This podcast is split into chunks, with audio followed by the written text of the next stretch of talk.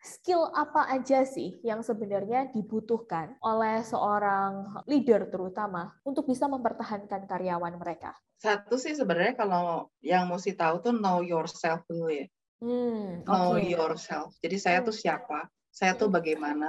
Hmm. Sehingga pada saat kita berinteraksi dengan orang pun kita uh, tahu.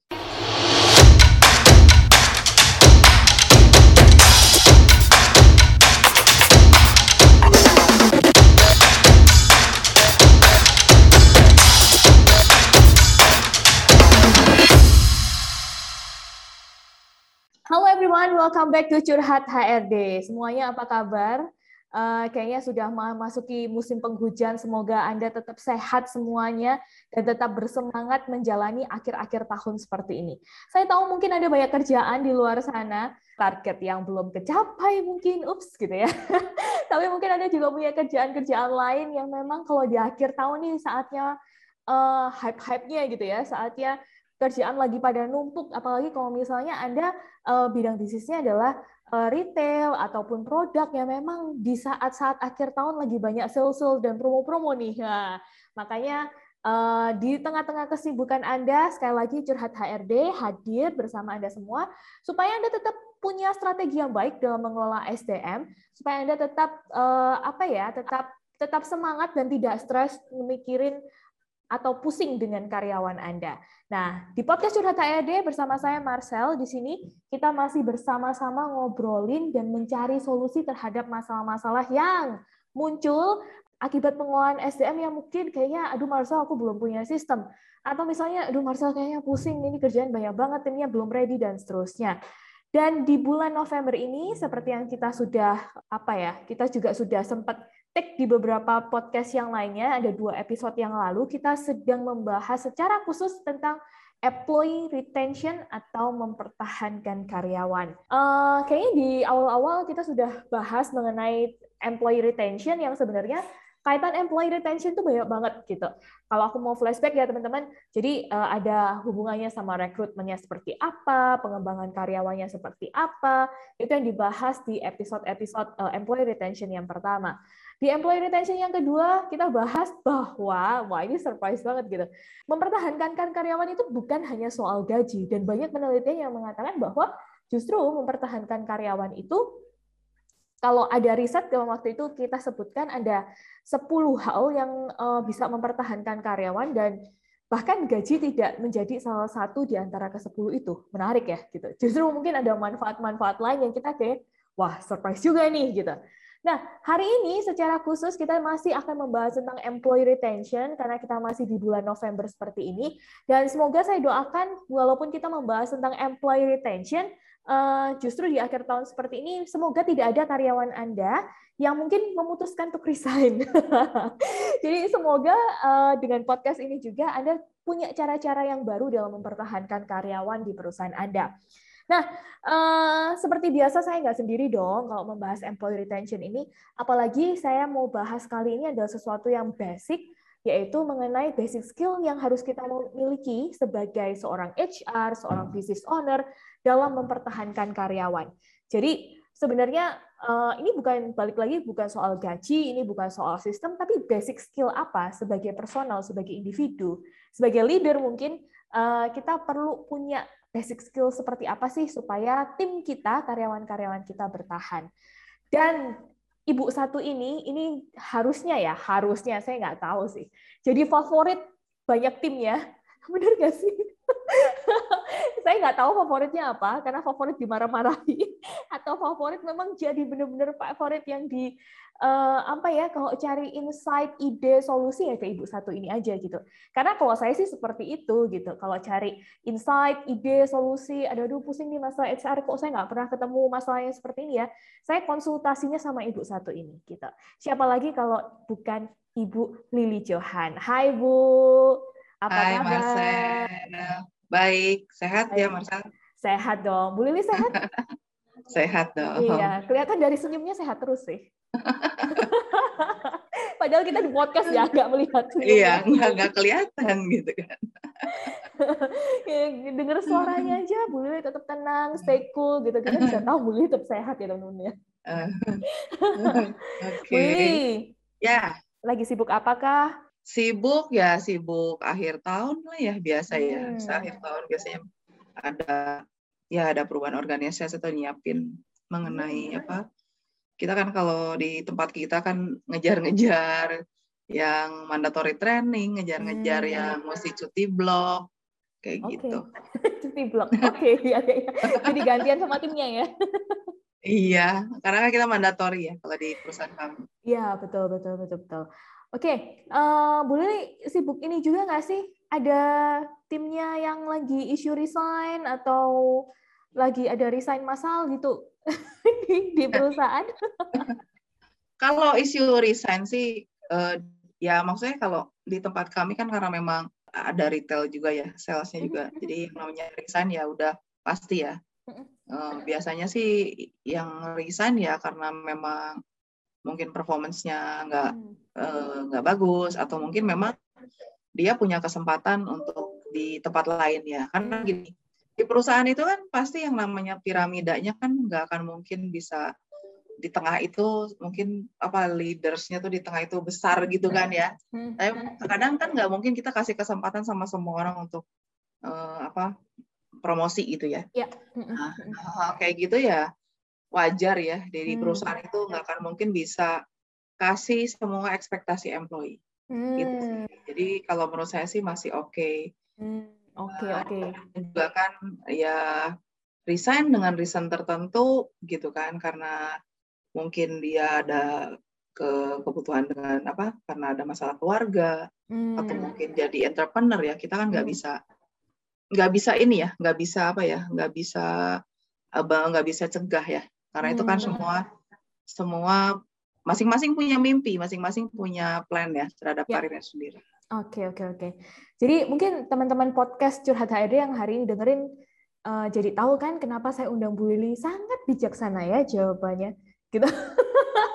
dan, dan jawaban Bu Lili ini juga mungkin bisa menjadi angin segar gitu untuk para business owner, untuk para leader.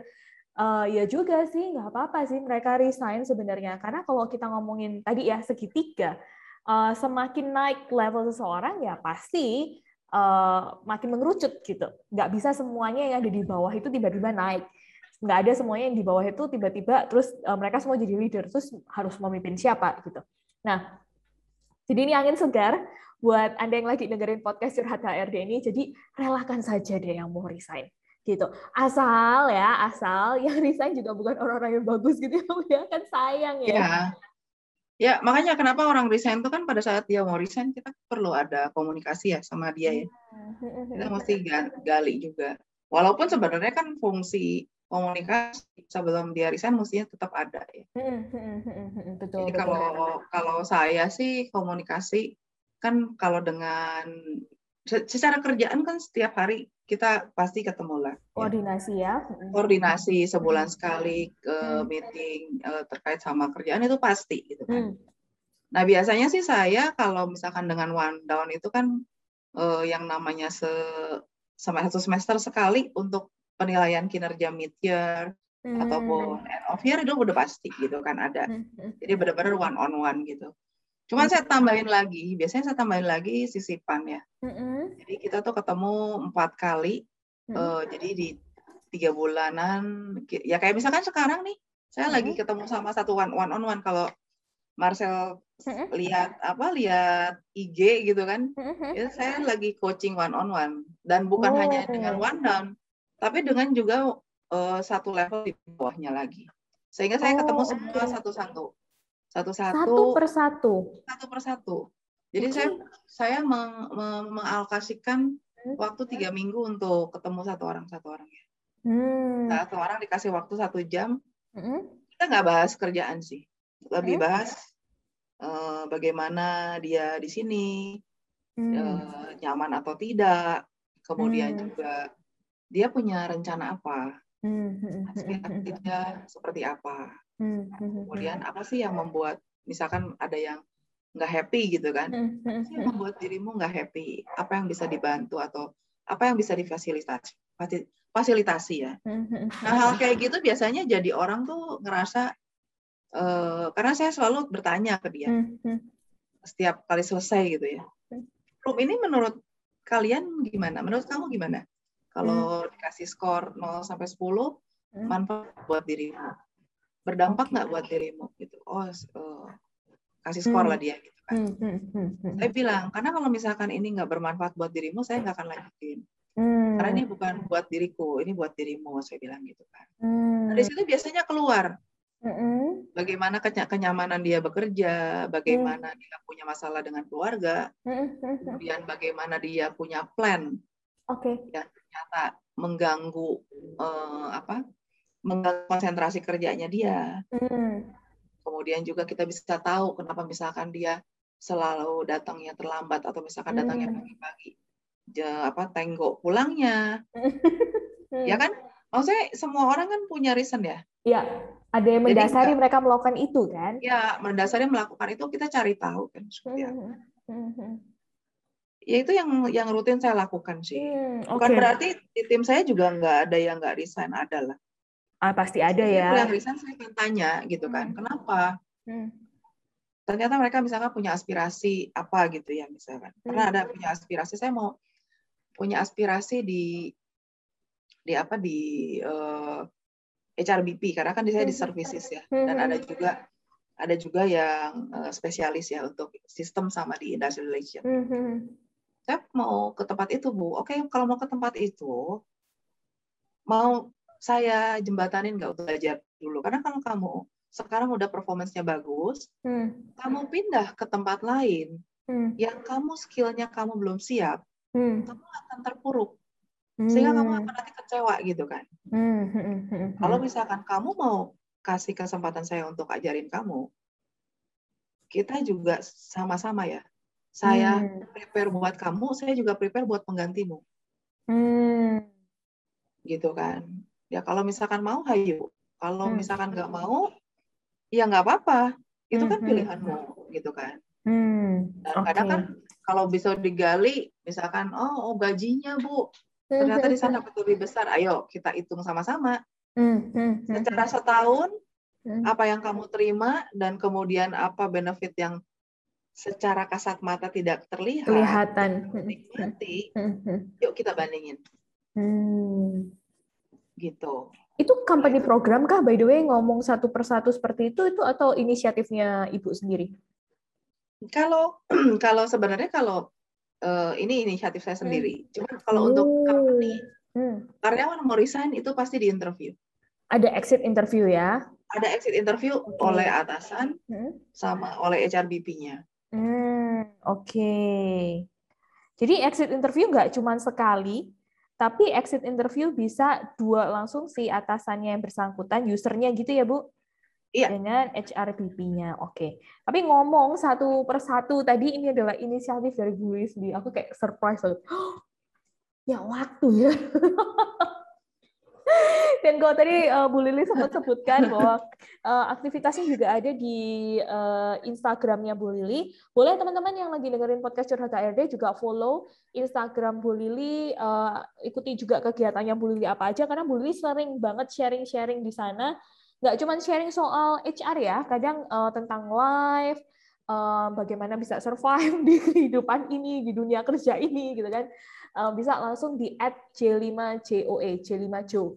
Ya, aku ulangi, at J5COE gitu. Di sana bisa Sudah connect hafal, ya? langsung ya? apal. Pokoknya kalau yang timnya sinergia semua apal deh. Jadi langsung aja follow ya hmm. teman-teman. Jadi uh, juga bisa sharing-sharing mungkin sama Bu Lili di Instagram via DM Instagram ya. Ya, ya. Nah, uh, balik Bu, kalau tadi itu adalah inisiatifnya Bu Lili ya, sampai menanyakan kepada mereka dan saya tahu banget karena Bu Lili punya apa ya? Aku nggak tahu, punya satu passion mungkin atau satu uh, basic yang memang kayaknya Bu Lili ini suka gitu mendampingi orang lain sampai sampai satu pada kepada satu transformasi gitu. Karena telaten banget gitu beda-beda sama saya gitu teman-teman. Jadi kalau Bu Lili ini benar-benar kayak tanya care gitu ya sama orang lain beda lah sama saya. Nah maka kalau balik ke topik hari ini di podcast hari ini Bu Lili sebenarnya apa yang membuat Bu Lili itu kepikir gitu untuk memang hmm. uh, ngajak ngobrol itu satu persatu bahkan itu bukan company program bos sebenarnya ya Sebenarnya proses ya. Saya sih ngelihatnya proses. Jadi saya selalu selalu melihat kalau misalkan saya berperan, itu saya selalu mengacanya pada apa yang saya tidak satisfy dalam dalam hidup saya atau dalam dalam saya sebagai karyawan itu apa? Itu tuh kan berkembang terus kan. Kemudian ada juga training leadership, ada juga uh, kalau dulu kan ada assessment ya. Ada intre kayak gitu kan saya orangnya kan uh, apa menganalisa ya. Sebenarnya maksudnya buat apa ya? Hmm. nah dari situ sebenarnya jadi muncul trigger-trigger insight. Oh iya ya sebenarnya orang tuh kan paling senang tuh kan didengerin didengerin kemudian dia ngerasa didengerin dan padahal mungkin advice apa sih solusinya datangnya dari mereka mereka juga gitu kan. Nah setelah dari situ mereka merasa oh, aku tuh diperhatiin ya gitu kan. Hmm. Jadi aku merasa mungkin kan kalau di perusahaan saya walaupun misalkan uh, apa punya bagian division head gitu kan, hmm, hmm, hmm, saya kan punya keterbatasan juga memberikan kompensasi karena sudah ada sudah ada paket, maksudnya bukan sepaket sih, istilahnya sudah ada polisinya. Begitu kenaikan gaji dan segala macam juga kan sudah ada aturannya. Iya. Nggak bisa kayak seperti kita charity ngasih enaknya gitu kan betul betul itu betul. yang selalu saya bilang gitu kan saya mungkin mau dari sisi dari sisi kompensasi ataupun dari sisi uh, kenaikan gaji mm-hmm. uh, grade kompensasi uh, saya nggak bisa saya nggak punya kewenangan di situ mm. tapi yang saya punya itu adalah saya bisa bantu kamu dari sisi apa dari sisi mm. pengembangan dari sisi memberikan solusi yang bukan dari sisi pekerjaan saja jadi itu yang saya tawarin sama mereka. Jadi ya alhamdulillah sih ya orang yang udah keluar atau karyawan udah keluar tuh uh, masih masih sering ngontek ke saya gitu. Hmm. Jadi masih sering juga kadang-kadang mereka juga udah keluar, pindah. Udah gitu mau pindah lagi, dia tanya sama saya. Bu, saya mau pindah lagi. Nah, apa sih yang kamu mau cari gitu ya? Hmm, ketemu hmm, aja. Jadi saya juga bukan hanya sama anak buah sih ya sama siapa aja hmm. kasih kesempatan gitu. Karena gini, saya melihat sekarang tuh jarang ya orang yang punya apa ya punya waktu untuk dengerin karena mereka selalu di keep up sama sama sama apa ya sama target betul betul buat bottom line kan mm-hmm. yang dicari terus bener, gitu kan. bener, bener. kita nggak pernah cari tahu tuh misalkan kenapa sih dia tidak melakukan itu? Langsung kan judgement. Lu nggak melakukan lu pulang cepet ya lu nggak mau nggak mau lembur aja gitu. Padahal yang lembur juga kalau dilihat tuh belum tentu dia lembur gitu kan. Mungkin juga nunggu macet kalau Jakarta ya. Mungkin juga dia cari makan mau hang out juga gitu kan. Nunggu waktu buat jalan. Nah ya hal kayak gitu kan nggak bisa diukur hanya dari apa ya dari dari kasat mata aja yang terlihat. Atau misalkan dari jam kerja yang dia ngabsennya pulang malam. Nggak gitu gitu kan. Kita mesti cari tahu secara satu per karena manusia tuh unik ya. Betul betul. Nggak ada yang sama satu sama lain. Hari ini bisa kayak gini besok juga bisa kayak gitu. Itu satu orang yang sama ya bu ya? Betul. Pengaruhnya pun sangat banyak gitu kan. Hmm. keluarganya berbeda. Betul gitu kan. betul. Tempat tinggalnya berbeda. Cara dia pulang pergi juga juga Beda. bisa mempengaruhi gitu kan. oke oke oke oke. Ya, jadi jadi banyak hal ya sebenarnya kita harus miliki gitu. Entah Anda sebagai business owner, human capital practitioner atau professional leader bahwa kalau tadi uh, menyimpulkan dari ceritanya Bu Lili sebenarnya kenapa sih Bu Lili menyempatkan waktunya untuk mendengarkan orang lain adalah karena Bu Lili sebenarnya menempatkan dirinya sebagai seorang karyawan itu gitu menempatkan dirinya sebagai seorang karyawan yang sebenarnya juga apa sih yang membuat aku tuh nggak nyaman, apa sih yang membuat uh, aku ini merasa tidak dihargai mungkin di dalam perusahaan dibanding nggak ada yang ngajak ngomong, ya kan? Nah, Bu Lili menyediakan waktunya untuk mendengarkan mereka. Dan for your information ya teman-teman, uh, karena kalau di Sinergia itu kan head office kan di Surabaya ya. Jadi suatu waktu Bu Lili itu memang main ke Surabaya, uh, ada kelas, ya pasti saya ketemu dong. Ya kan saya kira Bu Lili kalau kelas kan jam 5 selesai gitu kan istirahat di hotel atau bisa saya ajak makan gitu. Tapi ya itu yang ngantri ketemu sama Bu Lili. Ya ampun, banyak. saya sampai bingung. Ini ibu ya kan, nggak di Jakarta, nggak di Surabaya, sibuk aja ketemu orang. Dan saya surprise uh, karena salah satu cerita Bu Lili adalah uh, ada mantan timnya atau mantan karyawannya, saya lupa, um, yang datang uh, dan cerita-cerita ke Bu Lili. Kayak wow, ini engagementnya tuh luar biasa gitu. Dan saya jadi curious sih Bu sebenarnya pasti kan udah selama sekian puluh tahun ya Bu Lili ada di perusahaan yang sama. Melihat orang resign ini kan nggak cuma hitungan jari ya, nggak cuma 10, satu gitu ya. Ini kan nggak kayak yang kita alami di, di business owner ya, mungkin skala bisnisnya masih kecil atau baru sekian tahun. Uh, pasti udah ratusan ratusan orang gitu yang uh, apa resign. namanya resign gitu, yang ibu ibu lihat sendiri, yang ibu alami sendiri gitu. Nah, mungkin sebelum-sebelumnya di awal-awal proses ini uh, ngobrol satu persatu ini belum ada. Tapi mungkin di akhir-akhir ini Ibu sudah mulai terapkan. Nah, apa sih yang sebenarnya menjadi trigger Ibu untuk, wah ya kayaknya program ini perlu diadakan rutin. Aku perlu punya kepedulian ini kepada tim. Selain itu uh, dari sisi pengalamannya Ibu ya. Jadi menempatkan posisi tadi. Tapi apa sebenarnya yang menggerakkan Ibu supaya ya ini tetap terus jalan dan itu akan bisa membantu mereka? Oke. Ini sebenarnya ke triggernya waktu jadi gini. Saya kan jadi HR itu kan dulu juga dicemplungin gitu kan. Saya bukan orang HR gitu kan. Jujur amat. Iya, dicemplungin ya udah jadi cinta banget sama HR gitu kan. Hmm. Nah, cara belajar saya juga kan kayak gitu. Hmm. Saya sebagai employee kalau saya berharap HR saya mesti kayak apa, itu yang saya bikin gitu kan. Hmm. Nah, kemudian saat itu saya mencoba untuk bikin namanya uh, officer development program. Jadi hmm. benar-benar kopasusnya lah ya orang-orang pilihan yang memang nantinya bisa dicemplungin jadi apa uh, leaders ke depannya. Kayak, kayak talent pool begitu? Kayak talent, kayak talent oh. bagian dari talent management tapi untuk fresh grade ya. Oh, Dari pertama okay, kali okay. direkrut kayak gitu. Hmm, hmm, nah, saya benar-benar megangin nih anak-anak gitu kan. megangin di anak-anak uh, kemudian sampai curhat itu juga saya coba coba apa? Coba coba apa coba fasilitasi gitu kan mm-hmm. sampai penempatan pun saya cek gitu kan mm. sampai didatengin ke si cabangnya mm. kamu uh, karena saya punya tanggung jawab ini orang mesti jadi gitu kan mm-hmm. saya saya ini saya uh, kamu nyaman apa enggak kamu ada masalah apa enggak mm-hmm. kemudian kalau nggak perform saya juga samperin kenapa kamu nggak perform apa yang bisa saya bantu mm-hmm. gitu kan kayak gitu orangnya kan sedikit cuman satu angkatan tuh cuman 15 sampai 20 orang, tapi satu tahun ada empat angkatan jadi lumayan juga ya. Baru hitung dong. Oke. okay.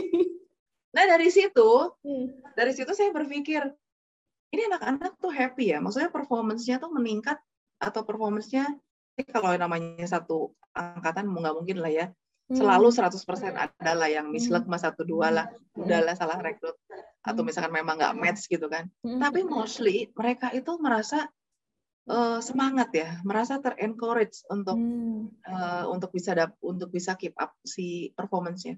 Saya hmm. berpikir berarti sebenarnya kalau kita memperlakukan orang seperti ini itu bawahannya kita, hmm. mereka juga bisa perform. Hmm. Nah itu yang men-trigger saya selalu melakukan seperti itu. Okay. Nah saya juga pernah punya histori hmm. dari divisi yang dibilangnya sangat nggak peduli, okay. sangat nggak ya pokoknya kalau ada kerjaan ya udah nanti gua kerjain ya, tapi nggak tahu kapan selesainya. Kapan selesai ya?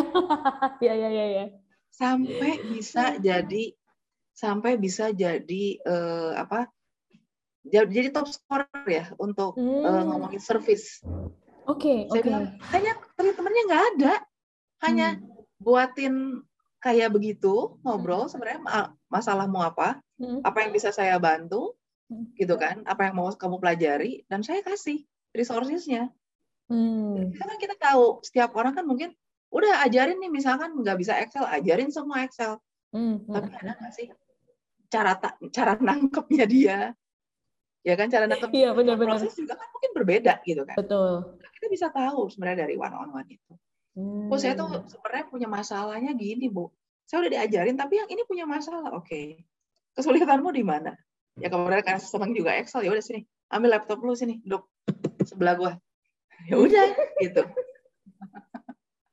dan, dan kalau aku mau ini ya, eh, kalau teman-teman dengerin gini ya, Bu Lili ini membayang-bayangkan seperti apa, Bu Lili ini sangat praktikal kayak tadi, udah dah langsung sini duduk sebelah saya gitu kan. Dan benar seperti itu gitu. Entah itu tadi timnya takut ya Bu ya, atau apa gitu kan kita nggak iya, ngerti yeah, ya. Ya duduk aja pokoknya. Sebenarnya ketakut ada ada juga masalah. Hmm. mereka tuh takut. Jadi hmm. mereka tuh sangat takut ketemu saya. Padahal tempat duduk saya itu kan kubikel terbuka, nggak ada pintunya. Anytime kamu bisa masuk dan saya selalu bilang kalau ada masalah silakan masuk gitu kan. Silakan masuk ke situ. Dan kita ngobrol. Jadi untuk bisa masuk ke kubikel saya mereka itu perlu mengumpulkan energi. Minta support dari teman-temannya gue mau menghadap ibu gue mau masalahnya ini ayo berskenario padahal begitu ketemu dengan saya masalah lu apa oke okay. uh, eh, salah nggak salah Salahnya di mana? Lu tahu salahnya di mana? Oke, udah dibenerin, udah. Dampaknya apa? Nggak ada. Ya udah, nggak ada apa. Kadang itu cuma ketakutan aja ya, yang tidak tidak berlandaskan apa-apa gitu. Iya, saya bilang kalau kamu meminta wajah saya untuk dirubah nggak bisa. Saya kan kalau udah kerja serius gitu kan. Ya, ya, ya, Pasti ya, ya. orang ngelihatnya mungkin galak atau apa ya udahlah hmm. kuadrat. kodrat. Nah, tapi kalau teman-teman podcast Curhat HRD ini tahu gitu ya. Jadi kalau ketemu dengan Bu Lili langsung kayaknya nggak perlu nggak perlu takut, nggak perlu cemas. Uh, karena sebenarnya Bu Lili ya ya dengan gayanya yang santai dia akan juga menanyakan hal-hal yang mungkin uh, bermanfaat untuk kita refleksikan lagi gitu dalam dalam proses pekerjaan kita, kepemimpinan kita. Dan saya surprise banget tadi bahwa ada yang takut loh ya ternyata sama Bu Lili sampai email pun takut sel. Oke okay, oke. Okay. Email email tuh dia sampai ngarangnya panjang gitu kan. Mm -mm. Ini sampai pernah saya kamu ngarang berapa lama kamu? ya dua dua dua tiga hari lah saya tanya dulu. Tapi Padahal saya dia apa cukup, cukup cukup cukup cukup sedih dijawabnya sama ibu. Oke okay, lakukan. aduh, aduh, ya, ya, ya, ya. Kayaknya memang kapan-kapan kita harus ketemu gathering bareng gitu ya sama uh, teman-teman yang dengerin podcast. Plus Bu Lili hadir di tengah-tengah kita biar teman-teman juga uh, tahu bagaimana Bu Lili ini juga berinteraksi dengan orang lain. Bu, ya. tadi selama Ibu cerita, saya tuh uh, agak curious, tapi saya nggak tahu ini ada hubungannya atau tidak. Saya ngelihat Bu Lili ini kan orangnya apa sangat terkoneksi dengan orang lain ya. Jadi itu apa kalau di versi uh, personality kita bilangnya mungkin extrovert banget karena sangat mudah gitu berjejaring dengan orang lain, networking dengan orang lain. Nah, cuman uh, saya memposisikan diri saya ke jadi Bu gitu. Saya tidak cukup extrovert walaupun menurut hasil tes saya extrovert gitu. uh, saya merasa diri saya nggak nggak terlalu apa people person ya gitu. Yang mana sebenarnya ya ngomong ya sebutuhnya. Kalau misalnya ada sesuatu yang ngomong. Kalau nggak ada sesuatu yang mending diem gitu. Kalau yang bersangkutan misalnya tim ya kalau yang bersangkutan punya masalah nggak mau ngomong ya sudah. Biarin kan mereka yang memutuskan mereka yang punya masalah gitu.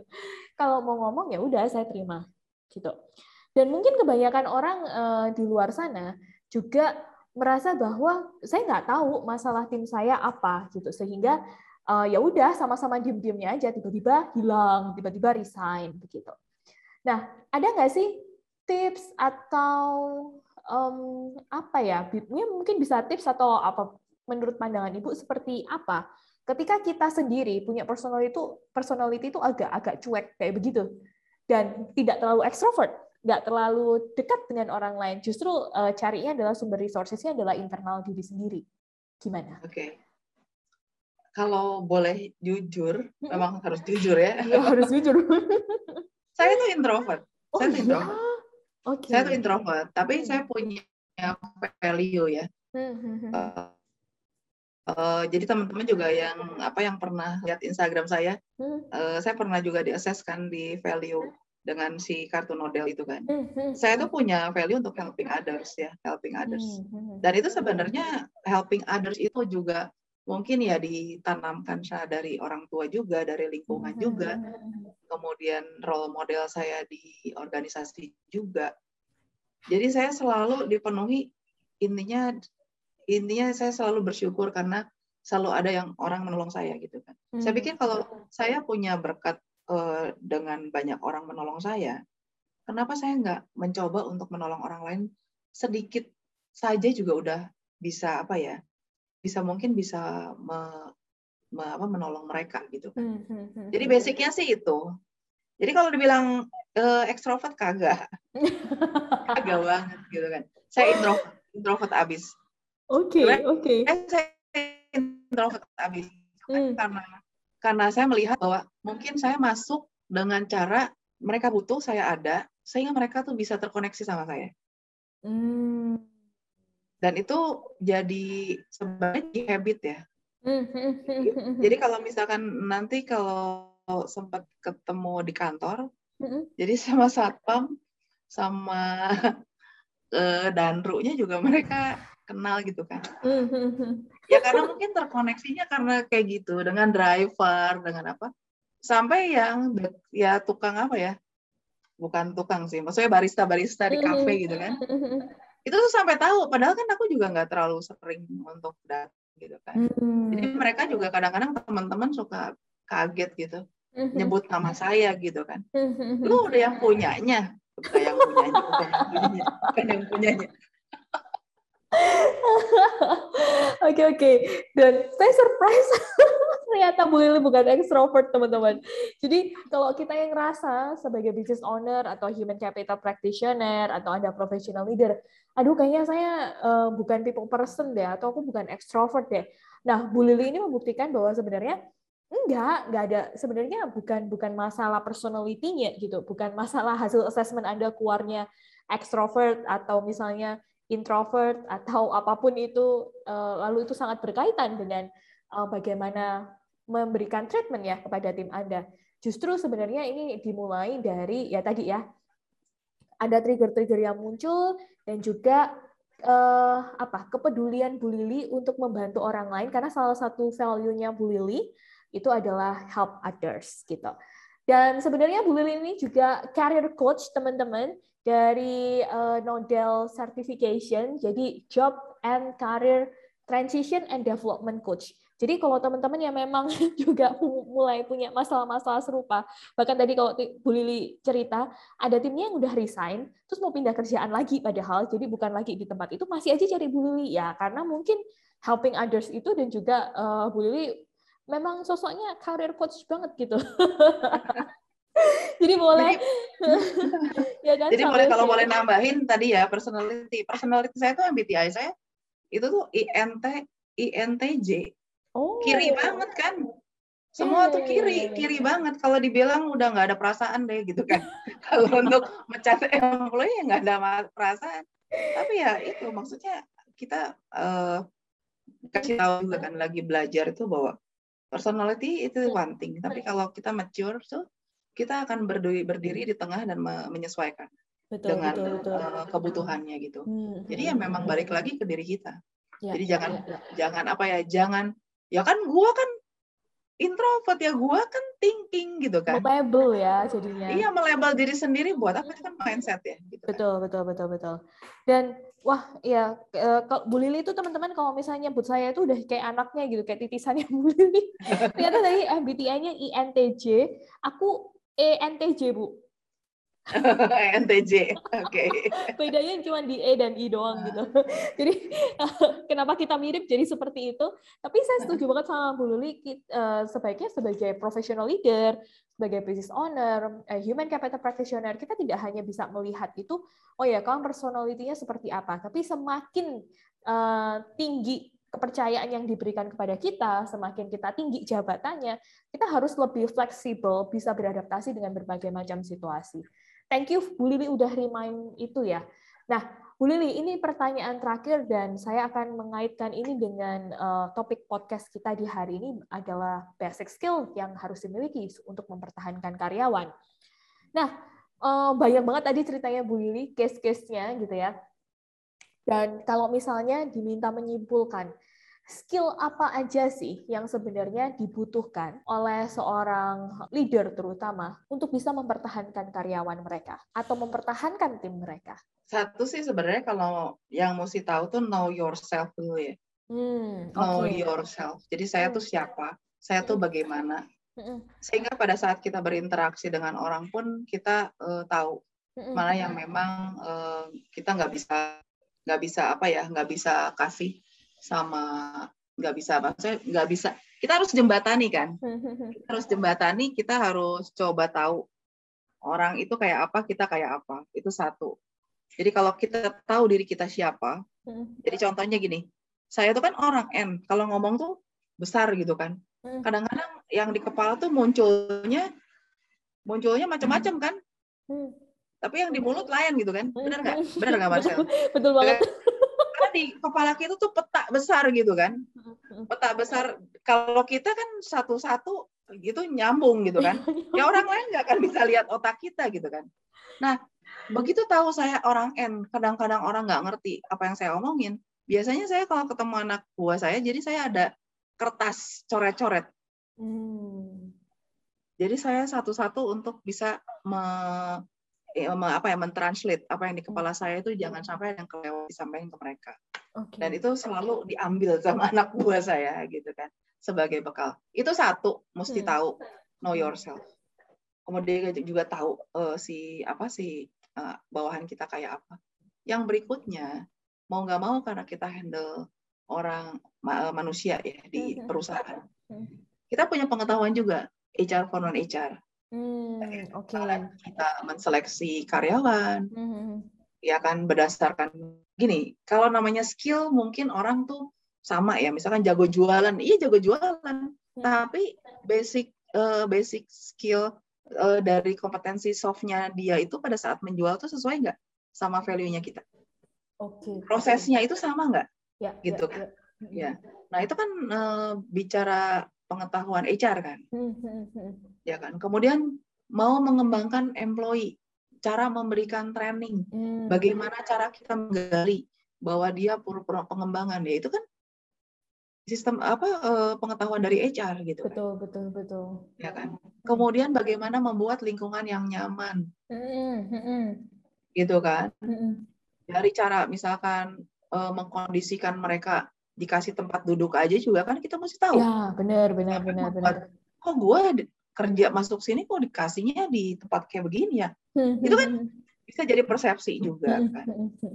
Betul. Kemudian juga dari sisi kompensasi, kompensasi, kompensasi di, di perusahaan pasti punya peraturan, punya peraturan kita mesti paham kenapa ada grading, kenapa mesti ada struktur gaji, kenapa kita jangan sampai misalkan kasih gradingnya A kasih struktur gajinya di bawah di bawah apa grading A atau hmm. di atas grading A gitu kan nah yang kayak gitu kan uh, juga perlu tahu sehingga complementary ya hmm.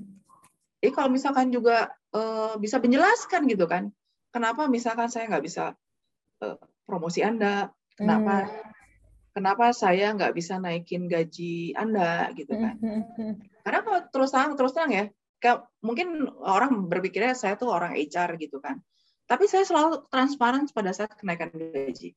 Saya bilang rata-rata kenaikan gaji di tim kita itu berapa? Tertinggi berapa? Terendah berapa? Hmm. Berapa persen yang bisa dapat lebih dari rata-rata? Berapa persen yang sampai nggak naik? Gaji pun hmm. ada. Gitu kan? Saya selalu hmm. transparan. Dari situ sebenarnya membuat apa ya? Membuat orang tuh oh iya kalau misalkan perform di hmm. diapresiasi ya gitu. Hmm. Nah, nah eh, kebanyakan manajer tuh sekarang nggak nggak terlalu paham ya dengan hal kayak gitu sehingga ya. lemparin aja. Hmm. Uh, saya kenapa Pak Bu nggak promosi? Itu ya, tanya HR aja. Bener, apa-apa HR ya kan? Ya. Cari orang HR, terus mau ini juga HR udah. Ya yang sehari-hari sebenarnya sama sama anak buah siapa sih? Benar, benar. Kemudian uh, yang me, apa yang yang membuat penilaian kinerja siapa sih? HR. yang merekomendasikan siapa yang bakalan naik untuk mengisi kekosongan siapa? HR. HR. Akan gitu kan? Benar. Kita tuh manajer mesti tahu gitu. Hmm. Kita mesti tahu di mana kita bisa memper memperjuangkan nih anak, gimana kita bisa uh, kalau saya selalu bilang ke anak buah saya, kamu mesti transparan dengan saya juga, saya akan transparan juga dengan Anda selama selama informasinya memang punya kewenangan untuk di di apa dibuka gitu kan. Dibuka itu. Uh, saya bilang gitu. Tapi kalau kamu nggak transparan dengan saya hmm. dan kamu juga melakukan tindakan tanpa saya tahu, hmm. kalaupun salah saya nggak akan backup kamu. Hmm. Tapi kalau misalkan kamu transparan dengan saya, walaupun kamu salah, walaupun nanti saya ada hukuman buat kamu, hmm. saya akan backup kamu untuk orang lain. Hmm. Itu itu itu jadi jadi kunci ya. Saya selalu bilang gitu. Oke okay, oke. Okay. Sehingga mereka tuh cukup transparan. Mau salah, mau benar, dia pasti ngomong. Ngomong. Oke, gitu. oke. Okay, okay. Berarti yang pertama tadi adalah know yourself, yang kedua adalah HR non for non HR. Ada lagi nggak Bu selain itu basic skill yang harus dimiliki? Gimana? Ke keinginan untuk meluangkan ya komunikasi sama ah, orang. oke oke oke. Jadi jangan jangan terlalu banyak telling ya. Hmm, oke. Okay listening ya. Jadi uh, skill lain adalah skill listening. Ambil waktu benar-benar untuk memang mendengarkan timnya. Ya. Gitu. Oke. Okay. Saya juga suka ngukur sih, Sel. Uh-huh. Saya masih suka telling apa enggak gitu. Ya. Gimana cara ngukurnya? Saya biasa pakai questionnaire. Jadi teman-teman tahu ya, yang ahli Excel di sini memang Bu Lili dan bayangin kayaknya udah rumus-rumus Excel itu semua sudah di luar kepala kalau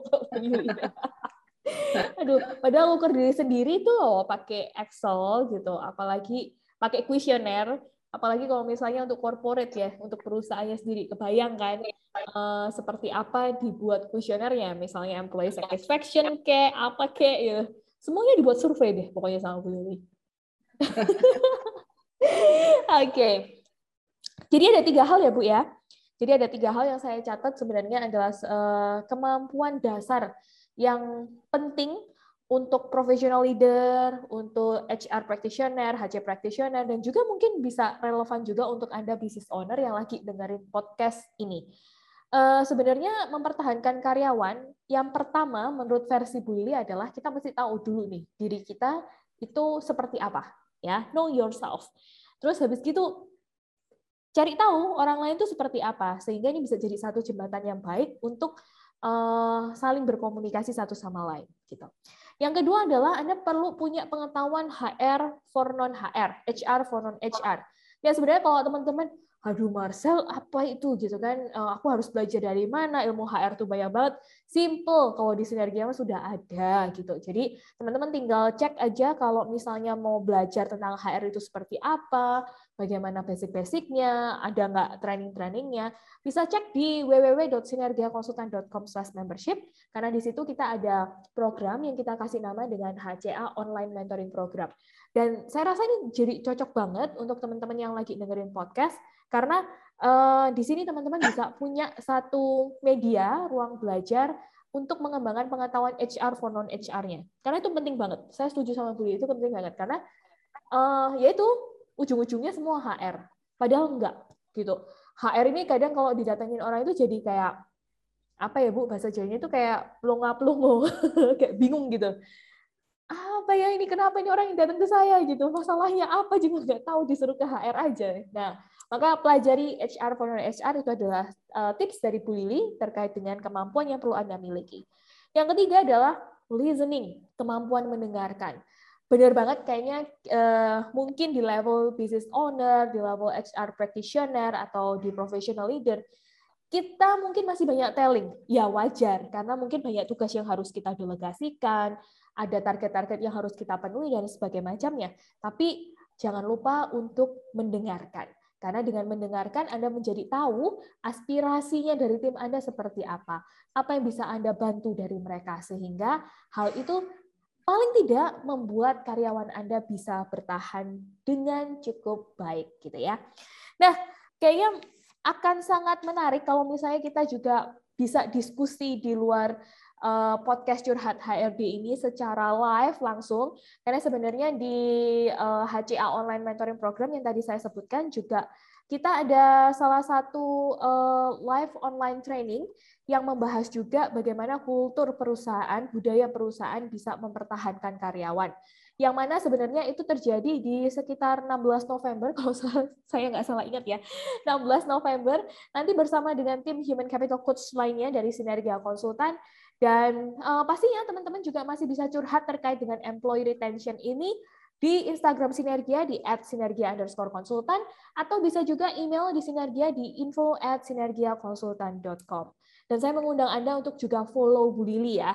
Follow Bu Lili di @j5joe karena Bu Lili pasti sangat open, betul ya? Kalau misalnya ada yang ya. tanya-tanya, benar nggak sih? Ya, silakan. Anytime. Anytime. Nanti Bu Lili pasti, ah Bu Lili sangat humble dan sangat mau berbagi. Jadi, don't worry, jangan takut kayak karyawannya tadi ya. Karena Bu Lili sangat baik hati. Ini endorse dari saya loh, Bu. Terima kasih. Thank you, thank you. Dan Bu Lili juga uh, nanti mungkin uh, bisa kapan-kapan kita juga bisa sharing tentang tadi uh, value, tentang career coach. Jadi kalau misalnya teman-teman yang memang punya apa, uh, bukan punya masalah ya, tapi punya isu soal karirnya, uh, pengen tahu juga bagaimana dia bisa berkembang dan seterusnya, bisa juga uh, langsung kontak di Bu Lili di @c5coe atau bisa juga di nodelkarir.id. Di situ nanti uh, bisa langsung ketemu Bu Lili, kita bisa uh, ada program-program tentang karir yang mungkin bisa Anda ikuti juga, gitu ya. Uh, Bu Lili, terakhir sebelum kita tutup podcast ini seperti biasa, take away dong dari Bu Lili untuk teman-teman yang lagi dengerin podcast hari ini. Ya, take away-nya sih ini ya, apa? Uh, intinya kita mesti bisa memposisikan kita tuh di sepatu orang lain ya. Hmm. Itu sih, kalau kita bisa memposisikan kita di sepatu orang lain, itu kita akan berusaha ya hmm. akan berusaha mencari jalan bagaimana untuk menolong mereka ya. Hmm, oke okay, oke. Okay. Itu ya Bu ya. Saya tadi dengerin itu jadi agak surprise karena take away-nya uh, di episode sebelumnya bareng Celala persis janjian kah? Tapi take away-nya Celala, kalau teman-teman ingat di podcast sebelumnya juga menyebutkan hal yang sama, kita harus bisa berpikir dari sepatu orang lain. Katanya, sama kan? Iya, iya, iya. sama gitu. Tapi kalau hari ini saya uh, benar-benar dapat apa ya? Dapat take away dari Bu Lili adalah bagaimana kita bisa menempatkan uh, diri itu dengan lebih fleksibel gitu. Maka ini adalah tuntutan sebagai business owner, sebagai human capital practitioner dan juga professional leader menempatkan diri bahwa ya memang kita kalau mempertahankan karyawan kita butuh effort, kita butuh adaptasi, kita butuh memberikan treatment dan tidak ada sesuatu yang mudah itu adalah start from you gitu, start from ourselves. Jadi Bu Lili, thank you banget buat insight-nya hari ini. Sama-sama Marcel. Nah, thank you banget juga udah mau sharing-sharing di diskusinya podcast Curhat HRD ini. Dan aku sih berharap kita masih bisa terus uh, di podcast-podcast berikutnya ya Bu ya. My pleasure. Oke, okay. uh, sehat terus Ibu. Selamat beraktivitas kembali dan untuk semua teman-teman podcast Curhat HRD yang lagi dengerin, saya mengucapkan terima kasih sekali lagi dan jangan lupa untuk ikuti terus uh, Instagram Sinergia di @sinergia_konsultan dan bisa juga di www.sinergiakonsultan.com. See you di another episode, di episode di bulan Desember. Stay safe, stay productive, and keep your energy to sell. Bye-bye. Thank you, Bu. Thank you, sama-sama.